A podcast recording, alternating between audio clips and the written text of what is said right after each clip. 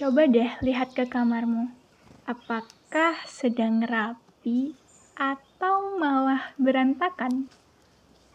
Kamu tahu nggak kalau kamar kamar kita itu sebenarnya bisa jadi cerminan dari pikiran di dalam diri kita.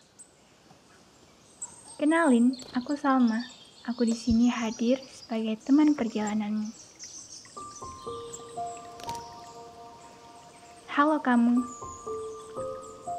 Kamu tahu nggak orang-orang yang meja kerjanya atau kamarnya itu selalu rapi kemungkinan besar orang yang bagus di pekerjaannya. Sebaliknya, orang-orang yang meja kerjanya atau kamarnya itu selalu berantakan, itu kemungkinan adalah orang yang sering gelisah dan sulit berfokus pada kerjaannya. Kamu termasuk yang mana? Aku aku termas aku sendiri termasuk orang yang meja kerjanya atau kamarnya masih sering berantakan gitu. Sampai sekarang. Tapi kalau dibandingin sama yang dulu, ya lebih baik gitulah ya. Pokoknya dulu tuh aku pewarah pol. Dulu tuh aku punya pemikiran bahwa kamar yang berantakan itu estetik gitu. Kamu tahu nggak sih kayak yang biasanya di sosial media yang kayak kamar idaman ruangan-ruangan idaman itu kan banyak gitu ya yang kayak penataannya tuh kayak berantakan gitu tapi estetik tapi sesungguhnya berantakan yang di situ tuh masih tetap nggak berantakan kayak uh, sembarangan gitu naruh tempatnya enggak tapi aku yang kayak menafsirkan dengan salah bahwa berantakan itu lebih estetik. Jadinya setiap mamaku nyuruh aku buat ngerapiin kamarku, aku tuh nggak pernah mau ngelakuin itu. Bukan nggak pernah sih, tapi juarang pol gitu loh.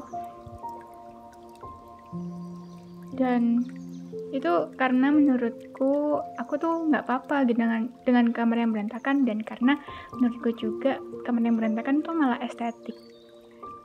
Kalau kamu penasaran gimana seberantakan apa sih kamarku dulu itu berantakan banget. Uh, di kamarku tuh ya ada meja belajar ada kasur ada lemari baju nah meja belajar itu barang-barangnya itu kayak overload gitu kebanyakan dan nggak tertata nggak nggak ada di tempatnya gitu. Nggak berada di tempatnya jadi kayak campur baur aja semua gitu. Sampai-sampai meja belajar yang fungsinya buat belajar itu kalau aku mau belajar di situ mau ngerjain tugas di situ itu sampai sempit banget gitu rasanya. Sampai sampai gak ada tempat gitu. Dan biasanya dulu aku tuh harus mindahin beberapa barang yang ada di meja belajarku biar aku bisa ngerjain tugas. Nah, kadang itu muales banget gitu kan ya buat ngerjain tugas. Jadinya malah ngerjain di kasur dan ya aku tuh nggak bisa banget gitu ngerjain di ngerjain tugas di kasur. Nggak tahu ya orang-orang yang bisa ngerjain tugas sam sambil di kasur sambil tiduran gitu. Aku nggak bisa banget. Jadinya ya nggak selesai-selesai gitu ngerjain tugasnya. Terus ya selain meja belajar terus tadi beralih ke kasur. Nah kasur itu di kasurku tuh karena aku yang tadi habis belajar di kasur itu jadi ada beberapa buku gitu yang berserakan di situ. Juga ada alat tulis kayak bolpen atau pensil atau penghapus di kasurku dan itu nggak aku pindahin balik ke meja belajar tapi aku biarin. Dan aku tidur juga dengan mereka gitu dengan buku-buku yang berserakan dengan alat tulis yang berserakan. Sekali lagi karena ngerasa itu estetik mungkin dan juga males tapi uh, gantinya jadinya tidurku kayak ruangannya tersita gitu. Nggak bisa ke mana-mana nggak bisa mulet-mulet ke mana-mana gitu. Nggak enak. Ya pastinya nggak enak kan ya. Terus habis itu di lemari baju. Lemari bajuku itu kalau kalian buka pasti kalian melihat baju yang bercampur baur. Jadi awalnya tuh dimasukin tuh dalam bentuk udah dilipat. Udah disetrika rapi udah dilipat. Tapi begitu masuk ke lemari bajuku itu jadi berantakan lagi. Kenapa? Soalnya aku tuh ngambilnya sembarangan gitu loh. Misalnya aku mau ngambil kan itu aku tumpuk dari dari bawah ke atas gitu loh nggak digantung. Nggak ada gantungannya emang. Terus kalau aku mau ngambil yang di bawah itu langsung ambil seret. Jadinya yang atas jatuh jadinya bercampur lama-lama. Jadinya ya kayak eman banget gitu ya buat ngelipetin bajuku rapi-rapi. Ya kayak gitu. Terus selain itu di lantai nih juga sering ada baju yang biasanya selesai aku pakai nggak langsung aku taruh di mesin cuci. Jadi itu itu jorok nggak sih? Ini perempuan apa coba yang kayak gitu? Untungnya sekarang udah mendingan udah nggak kayak gitu lagi meskipun masih berantakan tapi nggak separah itu. Oh ya dulu tuh juga sampai biasanya mamaku yang turun tangan buat ngebersihin dan ngerapin kamarku. Biasanya kalau mau ada tamu sih baru mamaku mau nggak mau ya harus ngerapin kamarku. Habis dirapin sama mamaku sekilas wah enak juga ya rapi gitu. Wah enak banget gitu. Tapi habis itu ada rasa keselnya gitu loh.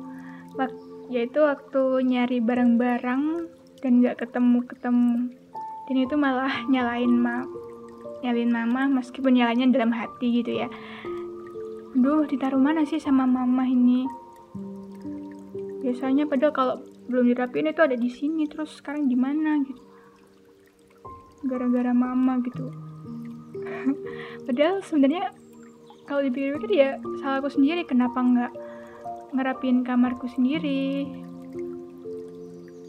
dan sebenarnya waktu kamarku masih berantakan sebelum dirapin mamaku itu juga aku sering nggak ketemu barang-barangnya karena sering ketutup karena kan berantakan kayak kecampur gitu ya. Terus sering ketutup sama suatu barang eh, suatu tumpukan jadinya ya nggak ketemu ketemu ya kayak gitulah. Dan kamar yang berantakan tuh benar-benar ngaruh ke mood sama produktivitas sih dari pengalamanku itu nah karena itu jadi ketika segalanya berantakan maka seharusnya tuh dirapiin sebelum selesai bekerja di hari itu, itu jangan lupa diberesin sama dirapiin. Meskipun ada tugas yang belum selesai. Bangun-bangun ngelihat tugas-tugas yang belum selesai masih masih bertumpukan gitu, tentu bikin kita nggak semangat gitu kan. Aku sering banget kayak uh, ngerjain tugas gitu di laptop dan uh, udah ngantuk gitu udah capek mau refreshing sebentar atau tidur sebentar nanti mau niatnya nanti mau ngerjain lagi tapi eh malah ketiduran dan aku tidur sampai besok sedangkan laptopku masih nyala. Laptopku nggak tidur. Itu kan kayak uh, jelek banget gitu ya buat ngerawat laptop nanti jadi cepet hang tak gimana gitu. Itu bener-bener harus diperbaikin sih kalau kayak gitu ya. Jangan sampai kamu juga kayak gitu ya. Nah kalau kita udah kayak kebiasaan merapikan tempat kita selesai nugas maka uh, pikiran kita tuh bakal lebih jernih gitu dan kita bisa berfokus 100% ke pekerjaan kita. Kalau dari buku seni hidup bersahaja nih, ada cerita tentang para biksu di kuil Zen. Nah, para biksu itu membersihkan kuilnya setiap pagi dan malam. Jadi mereka tuh bersihin dengan sepenuh hati meskipun kuil mereka nggak kotor gitu. Mereka tetap bersihin kuil-kuilnya. Tujuannya tuh bukan cuma biar kuil mereka mengkilat gitu, tapi juga memoles pikiran mereka. Pikiran mereka melalui tindakan bersih-bersih itu tadi. Jadi uh, bagi mereka itu bersama setiap ayunan sapu, maka debu-debu di pikiran mereka tuh juga ikut terbersihkan. Terus bersama setiap usapan lap, maka hati mereka tuh juga ikut terlap dan jadinya ikut bersinar lebih terang. Nah, hal itu juga berlaku gitu di meja kerja kita, di meja belajar kita, di kamar mereka, di kamar kita. Jadi kayak gitu. Jangan biarkan pikiran kita terganggu oleh kecemasan dan masalah. Kunci utamanya untuk menjaga kebugaran pikiran kita yang pertama-tama adalah dengan menyusun dan merapikan benda-benda di sekitar kita. Jadi itu untuk episode kali ini. Semoga bisa membantu dan ketemu lagi sampai ketemu lagi di episode selanjutnya.